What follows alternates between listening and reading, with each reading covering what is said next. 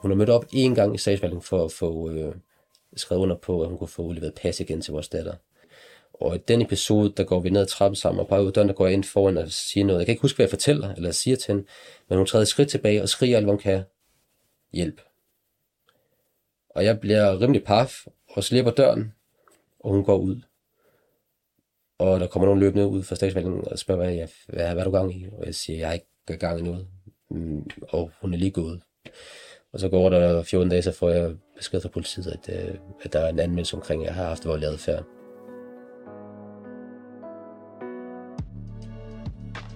Jannik mistede kontakten til sin datter for 10 år siden. Dengang var hun blot 5 måneder gammel. Han fik tildelt samvær flere gange, men moderen ville ikke udlevere deres barn. I sin bearbejdelse af sorgen uddannede han sig til psykoterapeut, og det hjalp ham med at komme videre i livet. I dag arbejder han med at hjælpe andre forældre med at bearbejde det ubærlige, når de har mistet kontakten til deres børn. Mit navn er Anders Vendt Jensen. Jeg har skrevet bogen Uden min datter, syv års kamp for samvær, der kan streames, lånes eller købes som e-bog og lydbog, og jeg laver nu denne podcastserie om forældre i konflikt om deres børn. Du må meget gerne følge Uden min datter på Facebook, Instagram og Twitter, og på hjemmesiden udenmindatter.dk kan du finde beskrivelser af alle afsnit i serien. Musik og lyd er lavet af Oscar Vendt Mosgaard. Velkommen til afsnit nummer 41.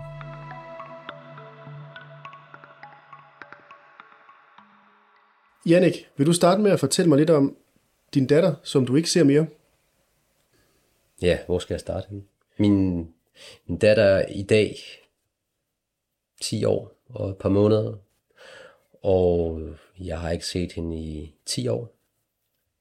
Og sidste gang jeg så hende, der var hun et halvt år. Det er engang, nej, det var hun ikke. Hun var fem måneder.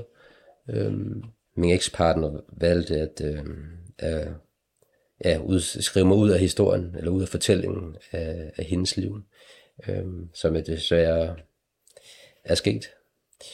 Øhm, du fortalte mig, at det allerede gik galt, da din derværende kæreste var gravid. Øhm, hvad skete der? Vi var ikke klar til at, at stifte familie. Og øhm, da min partner fortæller mig, at, at hun er gravid, øhm, der kunne jeg godt mærke, at øh, det var ikke det rigtige for mig. Så jeg besluttede mig for at fortælle hende det efter, efter to måneder. Øhm, så vi går fra hinanden. Øhm, jeg tror cirka to måneder ind i hendes graviditet. Og hvordan er det at tage den beslutning, når du ved, der er et barn på vej?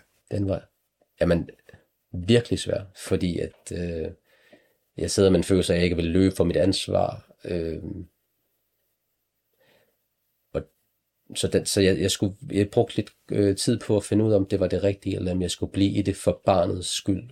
Øh, og igennem nogle drøftelser med, med noget familie og nogle venner, fandt jeg ud af, at det er ikke den rigtige måde at gøre det på, men jeg vil være der for mit barn. Og hvor lang tid havde I kendt hinanden? Vi har cirka kendt hinanden i halvandet år. Hvordan er det så lige efter barnet bliver født, eller i tiden omkring? Øhm, jamen, jeg, som jeg husker det, det er en af de ting, en af de ting, jeg har gjort for at passe på mig selv, det er egentlig at glemme alt, hvad der havde med datoer og tid at gøre. Så, så nu her, op til det her, har jeg sådan prøvet på at finde lidt af tilbage igen. Så jeg tror, der gik tre eller fire dage, før jeg fik at vide, at min ekskæreste der havde født. Øhm, jeg vidste godt, hvornår til min datoen var, men jeg vidste ikke, om hun havde født eller ikke født. Så, det, så, så jeg gik sådan en, en, en underlig følelse af, at jeg ikke rigtig vide, hvad, hvad ben jeg skulle stå på. Øhm, og, og hvad blev I enige om? Fra februar til en gang i juli måned, der ser jeg hende 19 gange. Og det sker på, altså på barnet og mors præmis. Øh, nogle gange i min lejlighed, og nogle gange i mors lejlighed. Øh, men jeg, jeg ser hende 19 gange, hvor jeg får lov til at holde hende, og får lov til at grine med hende, og alt det her. Øh, men hvilken dialog har I inden om, hvordan du skal se? Nu sætter det på, på mor og barns præmisser. Hvad bliver I enige om? Vi bliver, der bliver ikke indgået en sådan en, skal man sige, en, en, en dialog om hvordan, men mere sådan en, en sms-korrespondance omkring, hej, har du lyst til at komme forbi, eller øhm, det er i hvert fald det, jeg gjorde. Er der, er der mulighed for, at jeg kan komme forbi og sige hej og, og se jer? Så det var sådan meget spontant. Okay, så. Ikke planlagt. så, så 19 gange på de der 5-6 måneder, det er en gang om ugen cirka. Ja, Og, og hvor lang tid var det typisk? det er, jeg, vil, jeg vil skyde på, at det har været en time til halvanden. Og var det altid hos moren så, eller havde du hende også alene? Fik du lov at gå en tur med hende? Eller? Nej, det var, det var i mors øh, øh, tilstedeværelse. Og hvorfor stoppede det så? Øh, det kan jeg jo kun gætte på. Øh, jeg tror måske, at min ekspartner havde regnet med, at vi fandt sammen igen. Og øh, jeg havde et udlandspraktikophold. Min ekspartner også godt vidste, at jeg skulle. Så jeg skulle et halvt år øh, for at gøre min uddannelse færdig. Så det sidste møde var, hvor jeg skulle ud og skrive under på udleveringen øh, af pas til min datter, så de kunne rejse på ferie. Og den dag, jeg rejser i august, der indleverer min ekspartner en, en jeg ved ikke, hvad det hedder, en formular på øh, at få den fulde forældremyndighed. Det finder jeg først ud, når jeg sad ned, hvor mine forældre øh, mailer mig, at nu har de fået post, fordi min, min øh, adresse var adresseret til dem, at, øh, at hun skulle få den fuldfældende med. Så jeg var godt klar over, når jeg kom hjem fra det her, at, at der, der, der var gang i noget, jeg skulle til at forholde mig til. Øh, så da jeg kom hjem, var der ikke nogen kontakt. Øh, jeg kom hjem og skulle direkte i retten. Og øh, ja, vi har delt forældremyndighed den dag i dag stadig. Hun tabte sagen, hvis man kan sige det på den måde. Øh, Men, men det vil sige, at du kommer hjem fra udlandet, og, Ja. og I skal så i retten i forhold til det med forældremyndighed. Mm. Men hvad med samvær? Er det noget, I debatterer på det møde så? altså jeg rådførte, men det er sådan, hvad, hvad, hvad, hvad gør man? Fordi jeg havde ikke prøvet det før. Og jeg fik, var længe i, at jeg skulle søge øh, i statsforvaltningen om at få øh, lavet de her samværsordninger. Øhm, gjorde jeg så. Med den overbevisning om, at, øh, at det skulle nok gå rigtig godt. Øh, og jeg glæder mig til at se min datter. Jeg glæder mig til at komme i gang med at, at lære hende at kende. Men hvad skete der så? Øhm, jamen, jeg fik lavet tre øh, samværsperioder hen over det her halvandet år cirka. Øhm, første gang ni gange, anden gang otte gange, og øh, tredje gang seks gange, øh, hvor du møder op. Øhm, og når du så havde ligesom havde øh, afholdt de her ni gange, eller mødt op ni gange, så er der gået tre-fire måneder. Øh, min ekskæreste mødte aldrig op, og øh, så slutter man af med at skulle øh, søge fodretten om hjælp. Øh, så det gjorde jeg. Og min ekspartner fik en, øh, en, en, en bøde for ikke at overholde, øh, øh, eller en lille sanktion for ikke at overholde de her mødepligt, man nogle gange får, når man bliver indkaldt. Og du mødte op hver gang. Det skal man ligesom for at vise, man Jo, er... det står jo meget fint beskrevet, at hvis du ikke møder op, når det er dig, der har søgt, jamen så frafalder alle øh, samværs øh, dagene, eller møderne, ikke? Så du var nede 23 gange og få et kryds i bogen, at du, Ja, tak. du var mødt op. Hvad så efter det her halvandet år? Hvornår er det så, du siger, at nok er nok? Jeg tror, det handler om at prøve at beskytte mig selv, og også min datter imod det, øh, min ekspartner øh, prøver at skabe. For jeg kan godt se, at vi kommer aldrig nogensinde til at samarbejde. Hun møder ikke op. Hun planter øh, løgne, altså melder mig til politiet for voldelig adfærd. Øh, efter en episode, hvor, vi, hvor hun, har, hun har mødt op en gang i statsvalgningen for at få øh, skrevet under på, at hun kunne få udleveret pas igen til vores datter. Så hun har mødt en gang for at få det. Og i den episode, der går vi ned ad trappen sammen, og bare ud af døren, der går jeg ind foran og siger noget. Jeg kan ikke huske, hvad jeg fortæller, eller siger til hende, men hun træder et skridt tilbage og skriger alt, hvad hun kan. Hjælp. Og jeg bliver rimelig paf, og slipper døren, og hun går ud. Og der kommer nogen løbende ud fra statsvalgningen og spørger, hvad, jeg, hvad, hvad er du gang i? Og jeg siger, jeg er ikke gang i noget. Mm, og hun er lige gået. Og så går der 14 dage, så får jeg besked fra politiet, at, øh, at der er en anmeldelse omkring, at jeg har haft voldelig adfærd. Så jeg kunne godt se, at der er sådan nogle små, øh, jeg ved ikke, hvad jeg skal kalde dem, men der er sådan nogle små, øh, øh, ja, små ting, der gør, at jeg tænker, okay, hvis jeg skal passe på mig selv af det her. Jeg ved ikke, hvad min ekspartner kan finde på. Hun prøver på at, at, at danne et billede af mig, som jeg ikke selv kan genkende. Og systemet kender mig ikke. Så de ser mig om de briller, som hun prøver at skabe af mig. Så det er med til, at jeg beslutter mig for at sige, okay, jeg skal ikke søge mere samvær lige nu.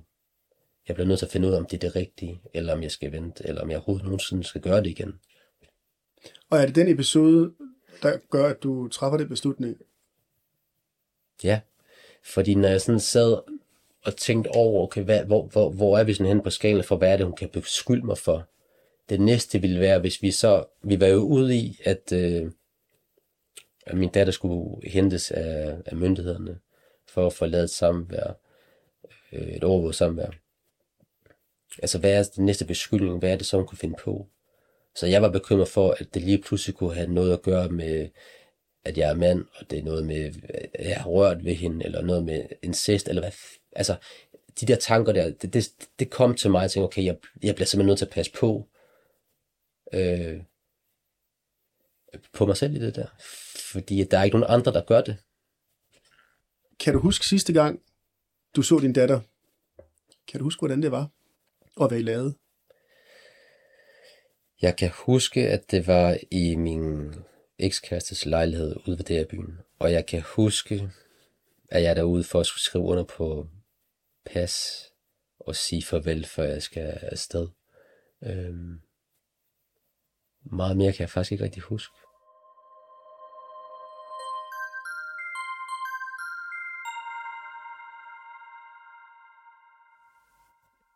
Det vil sige, efter alt det der med, med mislykket samvær, så opgiver du så at se din datter i hvert fald i den periode. Mm. Hvordan kom du videre derfra? Der, der, der, der sker jo det, at man, jeg brugte jo sindssygt meget energi på det her. Øhm, og jeg kan godt mærke, at, at, at, at jeg har det virkelig ikke særlig godt, men, men jeg tror, jeg lever mit liv sådan meget op i hovedet på det her tidspunkt. Jeg, jeg forholder mig ikke til, hvad der følelsesmæssigt foregår. For jeg bliver simpelthen nødt til, jeg har lært, at jeg bliver meget til, nødt til at være rationel, fordi når du går ind i statsforvaltningen, eller familieretshuset, så er det jura, det er ikke følelser. Det vil sige, at du kan ikke bruge dine følelser til noget som helst i det her system. Så det parkerer du lige udenfor, og så går du ind og, og forholder til, hvad juridisk du har bedt om, eller det, det hjælp, du skal have. Øhm, jeg bliver først klar over på min arbejdsplads, og det her, det er jo så 3-4 år efter, øhm, at jeg har behov for hjælp. Det var jeg ikke klar over. Øhm, jeg øh, har søgt om at få mulighed for at komme på en uddannelse. Jeg kommer ind og taler med ledelsen. De giver mig lovning på, at øh, de gerne vil give mig de her 18 dages øh, uddannelse, hvis jeg selv betaler det økonomiske. Øhm. Og jeg skal bare lige lave en mail, og så vil jeg få svar på det. Så møder jeg en fredag aften, ledelsen er gået hjem, til en mail, som fortæller, at jeg kan få en dag, og det er den dag, jeg skal til eksamen. Jeg skal selv øh, bruge ferie eller rykke min arbejdstid for at kunne få lov til at tage uddannelsen. Og der kunne jeg mærke, at, at der skete noget fysisk. Altså jeg, jeg vil beskrive det som sådan en stressfølelse. Altså en indre varme, en indre vrede. Øhm, og jeg, jeg, jeg har egentlig bare lyst til at, at, at løbe fra min arbejdsplads. Øhm, jeg tager på arbejde. Jeg, eller jeg bliver der øh, fredag, lørdag og søndag. Og mandagen har jeg meldt mig til sådan noget crossfit-træning. Jeg tager til, til træning, og vi går i gang med det her det er jo lidt intenst øh, træningsform. Øh, og 12 minutter ind i programmet, så kan jeg få en fornemmelse af, at jeg kan simpelthen ikke få luft. Og jeg har en følelse af, at der, der, at der står en voksen mand på mit bryst. Ja, ja, ja, det gør fysisk ondt i mit hjerte, regionen i brystkassen. Og jeg går ud derfra og kontakter min læge, og siger, jeg tror, jeg er ved at få et hjertestop. Og, og han siger, øh, kan du, kan du cykle herned? Og jeg siger, ja, det, det kan jeg godt. Så jeg cykler ned til min læge, øh, og de tager sådan en EKG for at finde ud af, om, om det er, som det skal være. Og de kigger på mig og siger, du har en hvilepuls på 53. Så det, det, det, det kan ikke passe. Altså, jeg, det føles som, at hjertet springer ud af kroppen. Øhm, det gør det ikke. Men jeg finder jo så ud af, at på det her tidspunkt, at, øh, at, at jeg er ligesom, den reaktion, jeg har, kvæg det, jeg får at vide på min arbejdsplads, det minder mig om det, jeg oplever i statsforvaltningen. Der er et system, der er en leder, der er en, en, en som har en magt over mig. Øhm, så jeg bliver simpelthen ramt af en afmagtsfølelse, som jeg kan genkende for tidligere. Og det er sådan et traumespor, der går tilbage, som jeg overhovedet ikke var klar over, at jeg blev ramt af. Øhm, en, en, en, en, ham, der er en fyr, der hedder Van der Kohl, han beskriver jo meget fint omkring, øh, hvordan ens øh, øh, altså kroppen, den husker. Den kan ikke tænke, men den husker. Øh, og det kan jeg så skrive under på. Min krop, den huskede. Jeg var mentalt ikke klar over, hvad det var, der foregik. Så det var først, da jeg kom til psykolog, at jeg fandt ud af, okay, jeg, har, jeg har trukket, jeg, jeg har formået at trække min fortidens traume med mig ind i nutiden, uden jeg overhovedet var klar over det. Og det er da, jeg bliver klar over, at jeg bliver nødt til at tage det her seriøst. Og efter den her episode, hvad, hvad gør du så? jeg starter jo på, på uddannelse. Jeg starter på og første året på den native terapeutiske uddannelse. Øhm, så du stopper dit job? Nej, det her, jeg, jeg læser ved siden af. Ja. Øh, så jeg betaler jo selv min uddannelse og starter med at, at, at tage den her uddannelse. Og det gør jeg egentlig af to årsager. Det gør jeg både fordi, at jeg gerne vil dygtiggøre mig inden for øh, altså mit område, altså på, jeg arbejder jo som pædagog på et øh, psykosocialt botilbud, Øh, men med en målgruppe, som kan, kan være svær at måske altid at kunne forstå, øh, altså hvad for nogle hensigter de har. Øh, det, det er mennesker, der led med paranoid skizofreni, øh, men misbrug. Øhm, så jeg havde behov for nogle redskaber til at forstå dem bedre, eller give mig selv lov til at hjælpe dem med det, de har behov for. Øhm, så det var den ene, det var det ene ben, og det andet ben var egentlig at blive klogere på, hvem jeg var som menneske. Lære at forstå mig selv bedre i, i relation til, til de mennesker, jeg arbejdede med. Øhm, og effekten af det var egentlig også at blive klogere på mig selv, fordi at man skal bruge sig selv. Det vil sige, at du skal i egen terapi, og du skal have supervision. Øhm, og så læser du altså læser du rigtig meget omkring den narrative retning den terapiform og den, den teori, der nu ligger til grund for den terapiform. Okay, så man skal bruge sig selv og sin egen historie i uddannelsen? Ja. Du får, du får ikke lov til at gå igennem en, en psykoterapeutuddannelse, uden du selv har været i terapi. Så du skal bruge dig selv som, som, som, som redskab. Du, øh, det vil sige, at du får også lov til at mærke på egen krop, hvad det sige at sidde i den position, som du gerne vil hjælpe andre med. Og hvad oplever du så om dig selv der også i forhold til... Jamen, jeg, jeg oplever jo i forhold til, altså mit traume er, at jeg har mistet min, min datter. Og jeg, jeg finder ud af igennem de, de fem år, men specielt de første fire i hvert fald, at, at, at jeg ligesom har været positioneret som en, en, en voldelig fyr, øh, af, af min ekskæreste, som laver den her øh, hvad hedder det, anmeldelse af mig. Øh, og det, det giver mig simpelthen en, hvad skal man kalde det, en, en, øhm, en følelse af, at, at jeg ikke, jeg skal tænke mig meget om, tænke mig meget over, hvordan jeg agerer. Øh, det vil sige, den vrede, jeg oplevede, eller den øh, frustration, jeg oplevede, den undertrykte jeg simpelthen for, og jeg var bekymret for, hvordan øh, systemet, altså øh, hvad hedder det, statsforvaltningen ville kigge på mig. Og det tog mig rigtig mange år at sige det højt. Fordi ja, jeg er en mand, ja, jeg er det stærke køn, men det er jo ikke ens betydende med, at, at, at man er voldelig. Øhm, så jeg var meget, meget bekymret for, hvordan andre ville se på mig. Øhm, og det var noget af det, jeg fandt ud af. Det var den position, hun fik øhm, givet mig, uden jeg overhovedet var klar over det. Så hun afmonterede ligesom øh, en del af mig. Øhm, jeg, jeg turde ikke at forholde mig til den. Øhm, men det fik jeg jo så mulighed for at gøre igennem terapien, hvor du sidder måske skal bruge dig selv, og i den narrative terapi har du også noget, der hedder bevidning, hvor du sidder, der sidder over for en terapeut, som ligesom har fokus på dig og øh, kører terapien, og så har du ligesom et hold af nogen rundt om dig, som øh, skal man sige, bevidner, hvad de hører.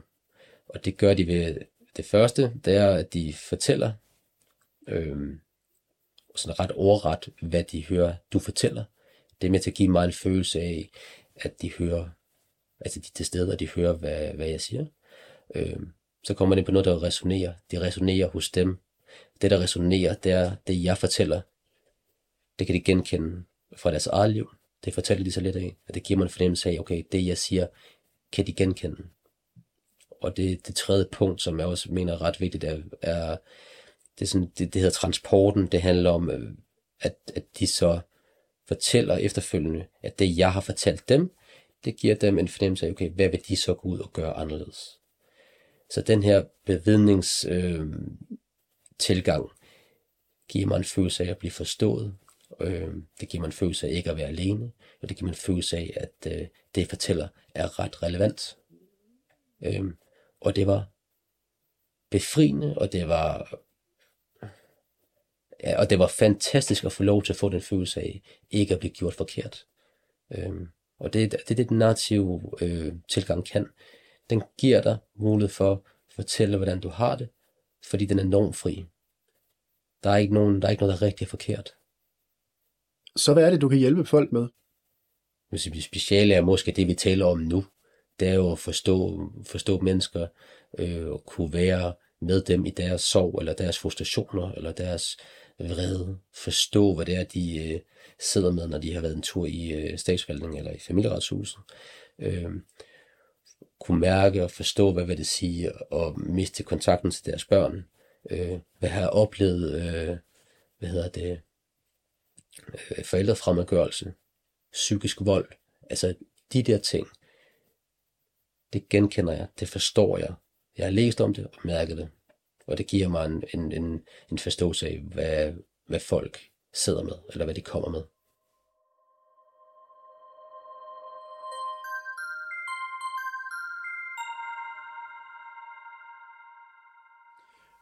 Og du er så netop inde på det der med, at du har klienter, du hjælper, der oplevet noget af det samme som dig. Ja. Hvordan reagerer de typisk? Nogen har øh, kommer ind og er godt klar over, hvad det er, der er på spil. Altså hvad det er, de er ramt af. Øhm, så de oplever ofte hurtigt en vrede eller en frustrationsfølelse af, at, at, at, de ikke, at de ikke kan se deres børn. Altså, og det savn gør jo, at de bliver ked af det, og frustreret over, at, at der ikke er den hjælp, eller der ikke er den forståelse for et system. Øhm, nogle fortæller jo også, at, at de har en oplevelse af, at systemet, altså familieretshuset, er med til at muliggøre forældrefremmedgørelsen. Øhm, ja, det vil jeg ikke rigtig gå ind i, om de gør eller ikke gør, for det tænker jeg ikke selv, de mener. Men, men det er den følelse, den, den, det er i hvert fald det, forældrene bliver ramt af, når de kommer ind ad døren. Øhm, andre er meget mere, hvad skal man sige, som jeg talte om tidligere omkring det her med, at de er afkoblet, de kan ikke mærke deres følelser, de er simpelthen blevet nødt til at passe på sig selv, så de, de er meget oppe i hovedet. Så de er meget rationelle og prøver på ligesom at, at forstå det, men kan ikke mærke det. Så, så det jeg arbejder med, eller prøver på, det er ligesom at prøve at ligesom koble tænkningen til, til dine følelser. Ja, for du nævnte selv det der med, at når du går ind i det system, jamen de, de tænker ikke på følelser, det er jo netop det rationelle. Og, og, og hvordan, hvordan kobler du så de to ting sammen, hvis du har gået i flere år og ligesom har adskilt det, øh, som du også selv oplevede? Hvordan får man genetableret den kontakt mellem, mellem hoved og krop? Det gør du ved, at du møder op øh, du starter med at fortælle din fortælling. Øh, og når du gør det, så er det min opgave at kigge efter de her små sprækker, der gør det muligt, hvor jeg, kan man sige, vi har nogle landskaber, vi, vi arbejder i. Der er noget, der handler om handling, og noget, der handler om meningslandskab. Øhm, så der er noget med, at du gør noget, og så er der noget med, hvad er det så, du kan mærke, hvad, du kan, hvad er det, du føler, når du gør det her, eller når du oplever den her, eller så, så, så, så du, hvad skal man sige, du går op og ned i de to forskellige landskaber for at koble dine, øhm, dine, øh, dine handlinger til dine følelser. Og det, øh, det kan godt tage tid, når man har brugt rigtig mange år på at prøve på at passe på sig selv. Øhm, fordi at det gør nas. Det gør jo ondt. Det, der er sket en, øh, vil man jo helst gerne have, går væk. Øh, men det går ikke væk. Men du kan måske sætte det til side, indtil det så popper op igen. Øh, Men der er vel også noget med, at du nævner selv det der med, at man kan gå og tro og håbe, og hvornår man egentlig er færdig, er man overhovedet videre. Og, mm, mm. øh, altså, der må jo også ja, være nogen, der ikke kan give slip. Mm. Altså, det handler måske ikke så meget om at skulle give slip på håbet om at få lov til at se sit barn igen. Øh, det handler måske mere om at forstå, hvad det er for en position, man sidder i. Forstå, hvad det er, der har ramt en side, man ikke kan se sit barn lige nu. Men at håbet eller drømmen, må vi ikke tage fra mennesker. Det er det, der, det, er det, der er noget drivkraft i. Øh, men det skal selvfølgelig have et, et niveau, så det ikke dræner en af hverdagen. Så jeg tror på, at hvis, eller hvis jeg taler lidt fra mit eget perspektiv, eller det jeg selv har oplevet, det var, at jeg, jeg havde behov for en pause. Jeg havde behov for en mental pause for de her, øh, de her voldsomme tanker, eller øh, voldsomme oplevelser, eller voldsomme, øh, hvad jeg skal kalde det, øh, det ubærlige. Jeg, jeg, havde en jeg havde behov for en pause for det ubærlige. Og det jeg gjorde, før jeg startede overhovedet med at gå i terapi, der var nok, jeg tror egentlig, det var sådan ret, jeg vil sgu betegne som at være sådan lidt en mandting. Jeg, jeg handler mod af det. Øh, jeg skulle lave noget fysisk. Så jeg besluttede mig for, at, øh, at jeg ville være bjergbestiger. Så jeg havde fundet et øh, bjerg i Rusland, som hed Elbrus, fordi jeg havde behov for at få mulighed for at kaste alt min tid og kræfter på noget andet. Øhm, turen gik godt. Jeg kom til toppen. Øhm, jeg havde formuleret et brev omkring det, der fyldte, og det, jeg ikke ville have, fyldte mere. Jeg formår at lægge det her på toppen af bjerget, og få en, jamen, altså, en forløsning af den anden verden. Jeg vil bare sige, jeg, jeg græd lidt, det passer ikke. Jeg stor tude. Og det gjorde jeg nok de der to timer på vej ned ad bjerget, hvor min kammerat stod og ventede. Han, han kom ikke med til toppen, desværre. Og så fik jeg sådan en, en følelse af noget frihed, en følelse af noget lettelse. Og jeg kommer hjem, og tænker, nu, nu er jeg sgu, øh, nu har det godt. Altså, jeg, jeg er fri for alt det her. Jeg, jeg har følt mig, du ved, trykket nedad. Cirka tre måneder efter, der får jeg så en indkaldelse, eller et eller andet i min e-boks. Og den lille ting gjorde, at hele lort vendt tilbage. Så det fortæller bare, at ja, du kan godt øh, finde på, øh, altså starte på en ny hobby. Du kan godt gå ud og være social. Du kan godt gå ud og, og prøve på mentalt og, og afkoble. Men jeg tror ikke på, at, øh, at, at du ikke, altså jeg tror ikke på, at du kommer videre uden at arbejde med det her øh, terapeutisk. Ja, fordi netop det der med nu snakker om at give slip, men man kan også spørge, hvordan sidder man ikke fast, eller hvordan kommer man videre med livet? Fordi jeg vil jo mene, at man skal sørge for ikke at sidde over i hjørnet og græde snot. Man skal jo også ligesom fortsætte med at leve. Øh, ellers så er det jo dobbelt tab eller spild, eller hvad man nu kunne kalde det. Ikke? Og det er jo så lidt bredt spørgsmål, hvordan kommer man egentlig så videre, ikke? Øh, hvis man også netop bliver hævet tilbage. Øh, det handler måske mere om at forstå, hvad det er, der har ramt en. Øhm, jeg tror, jeg tænker ikke, der er det enkelt svar på det. Men jeg tror på, at for at kunne give sig selv lov til øhm, at give slip, øhm, det sker jo over tid. Øhm, og det sker igennem forståelsen, igennem terapien, øh, hvor man forstår, hvad det er, man har været udsat for. At det handler ikke om dig. Det handler egentlig om, et andet menneskes ageren. Øh, og, og når man forstår det, øh, at det ikke er dig, der er det, så giver det den følelse af noget modmagt. Det vil sige, at du får muligheden for at tage ansvar for, hvad du mener, der er i orden, og hvad der ikke er i orden. Jeg kan give et andet eksempel i forhold til der, hvor jeg fandt ud af, at jeg kunne øh, omskrive min fortælling, dekonstruere min fortælling, for at gå og være et, for at være et offer, til lige pludselig at få en fornemmelse af, okay, det er faktisk mig, der bestemmer. Øhm, jeg har været beskyldt for voldelig adfærd. Hun der ville ikke udlevere, fordi hun fortalte, at jeg, hun var bange for at vi slå vores datter ihjel. De her beskyldninger har jeg skulle leve med og forholde mig til. Velvidende om, at det, ikke, det, er jo, det er jo ikke mig, men hvordan fanden kommer man videre. Jeg fandt ud af, da jeg stoppede med at søge om øh, øh, samvær, altså øh, i statsforvaltningen, og da jeg stoppede med det, fandt jeg ud af, at jeg blev nødt til at fortælle mig selv, at jeg træffer den her beslutning for min datter, på min datters vegne. Øhm, men det mener jeg, at nu bliver jeg rørt. Ja. Jeg fandt ud af, at jeg kunne tage magten tilbage ved at fortælle, at jeg ikke fandt mig i det, min ekskæreste gjorde imod mig, eller min datter. Øhm.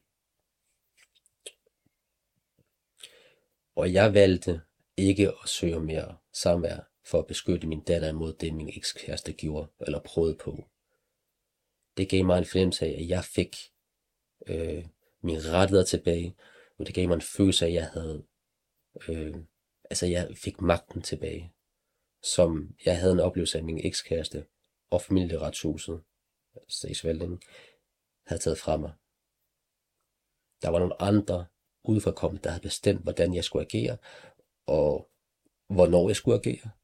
Og jeg havde ikke, jeg havde ikke, jeg havde ikke nogen rettigheder til, at jeg kunne tænke mig, at det kunne være anderledes. Men da jeg gik igennem terapien, fik sat ord på det her, og fik lavet min opgave omkring mig selv, det gav mig følelsen af, at okay, det er mig, der bestemmer. Og hvordan vender man om og siger, at du har taget den beslutning?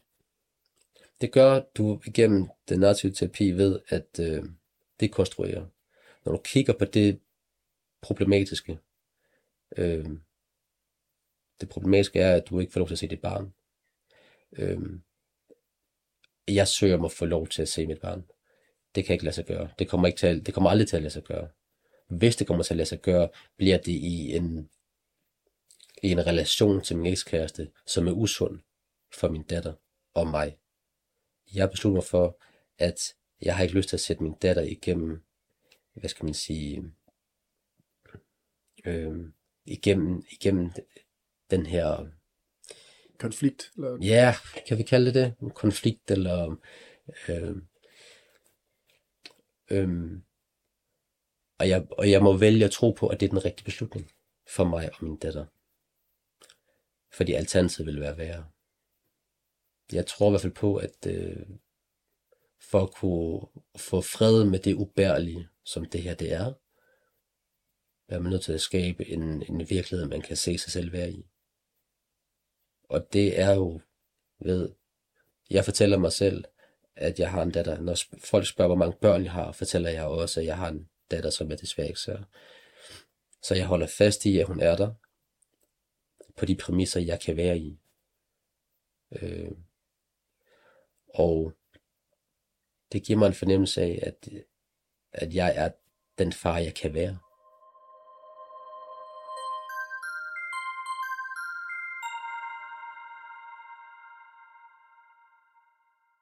Når de her forældre, der ikke ser deres børn, så er inde og snakke med dig, kan deres omgivelser så sådan forstå, hvad der sker, eller komme de netop til dig, fordi at, at det er svært at tale med andre om? Eller hvad er din oplevelse? Min oplevelse er, at øh, mange pårørende eller øh, familie i, i starten, øh, når de kommer og fortæller den her øh, historie, at, øh, at det bliver overrasket over, hvor, over systemet. Altså, at, at er der, kan man ikke gøre mere, eller kan det virkelig også være rigtigt, eller øh, kan, hvor fanden gør de ikke mere? Sådan nogle ting får man ofte at vide. Øhm, og, det, og, det, og, det, og det er jo, og det fortæller, det siger de jo, fordi at de egentlig, øh, hvad skal man sige, ikke synes, det er jorden, det der sker med dig. Øhm, men det hjælper bare ikke på, hvordan man går og har det. Så derfor så har de behov for at komme her og høre sig selv, fortælle, hvordan de har det, og møde en, der har øh, en anden måde at, at forstå deres øh, problematik på. Øh, jeg tænker også i forhold til det med, med venner, altså når, når venner lytter til det, øh, så er de selvfølgelig positive, tænker jeg, ser nysgerrige på, hvad, okay, hvad, hvad sker der så nu, eller hvor langt er I, og sådan noget.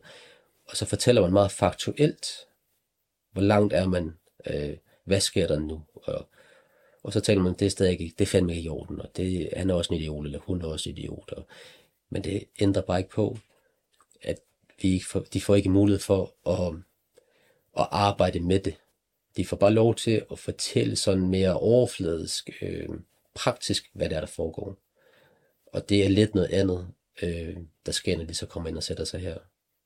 Men, men, men hvad gør man så, når vennerne er trætte af at høre på en? Fordi det er jo sådan, at folk spørger måske meget i starten, og så fælder interessen mm. ud. At, øh, jeg, jeg tænker ikke, det, det handler om, at ens venner er trætte af at høre ens fortælling. Jeg tror måske mere, at det handler om, at de ikke ved, hvad de skal sige, eller er bekymret for at gøre dig ked af det, eller bekymret for om øh, at skabe dårlig stemning.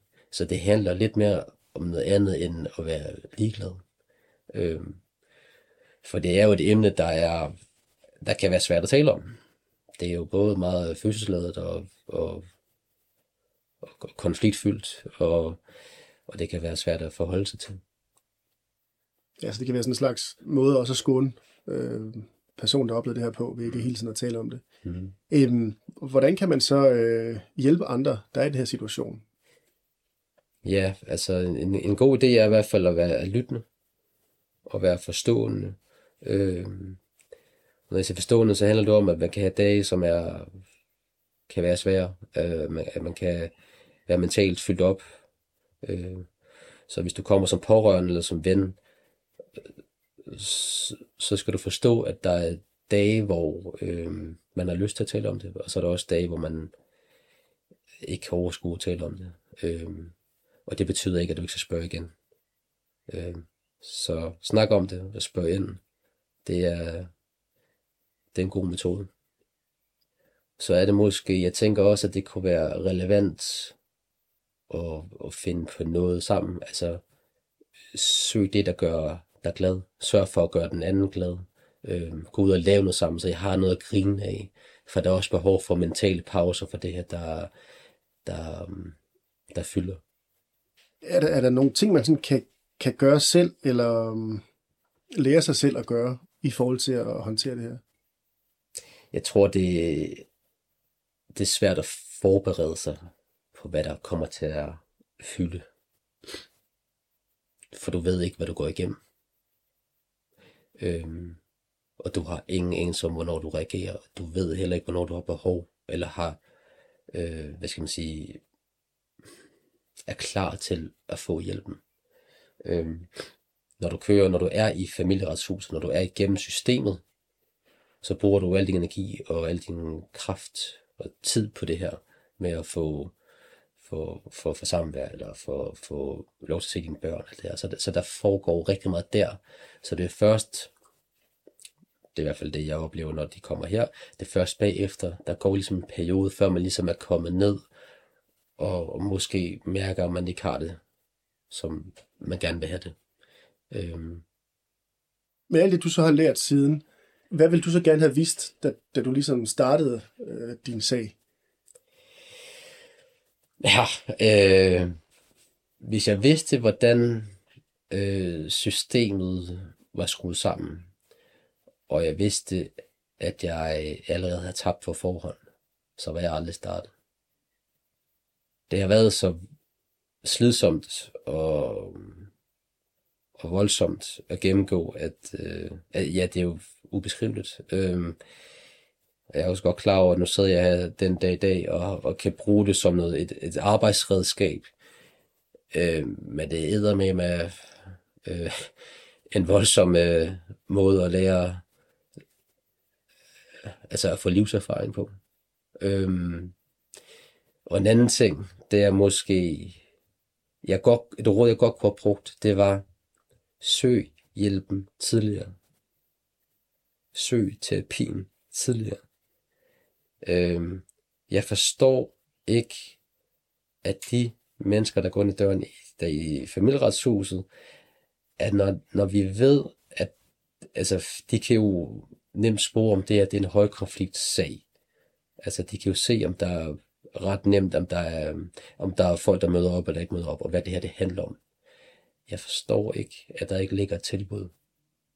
En pjæse, hvor der står, værsgo, der er nogen at ringe til.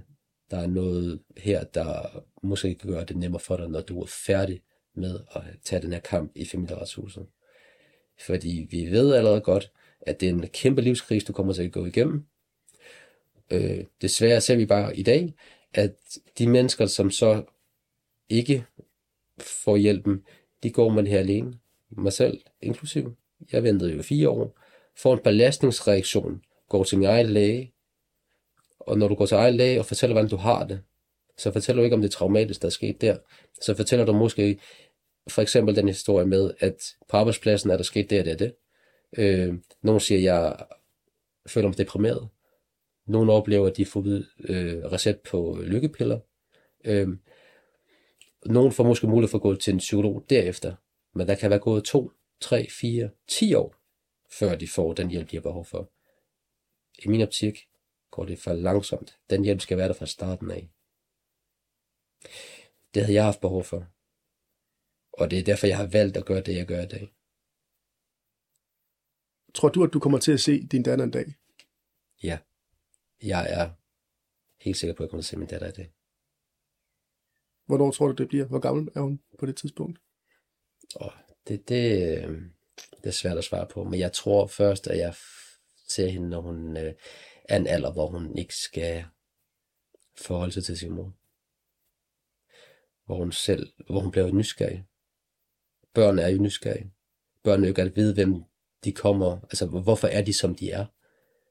Øhm, så de søger tilbage for at finde ud af, hvem de ligner. Øh, hvad har de med fra mor og far. Øh, så jeg har valgt at tro på, at jeg nok skal se min datter. Men man kan jo også stå i en situation, hvor man bliver afvist, at øh, ens barn ligesom er blevet påvirket meget af den anden forælder, eller man simpelthen bare ikke har en kemi, eller den der nysgerrighed, du taler om, måske ikke er der. Mm. Øhm, hvad nu, hvis man sådan senere i livet bliver afvist af sit barn? Ja, det, det, er, jo, det er jo en, det er en ubærlig tanke at have, at man skal blive afvist af sit eget barn, øh, som man måske kan se det i flere år. Øh, min optik er børn uskyldige. Øh, men det mener jeg, at, at de, har, de har jo levet liv i en anden forældres ageren eller misinformation.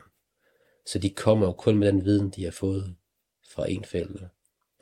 Øh, jeg ved ikke, om det er et råd, men jeg, men jeg har i hvert fald sådan en, vær tålmodig. Tro på, at, øh, at de nok skal komme. Og hvis du bliver afvist første gang, er ikke ens med, at, øh, at der ikke kan komme en møde igen. Hvad nu, hvis man ikke ser sit barn igen?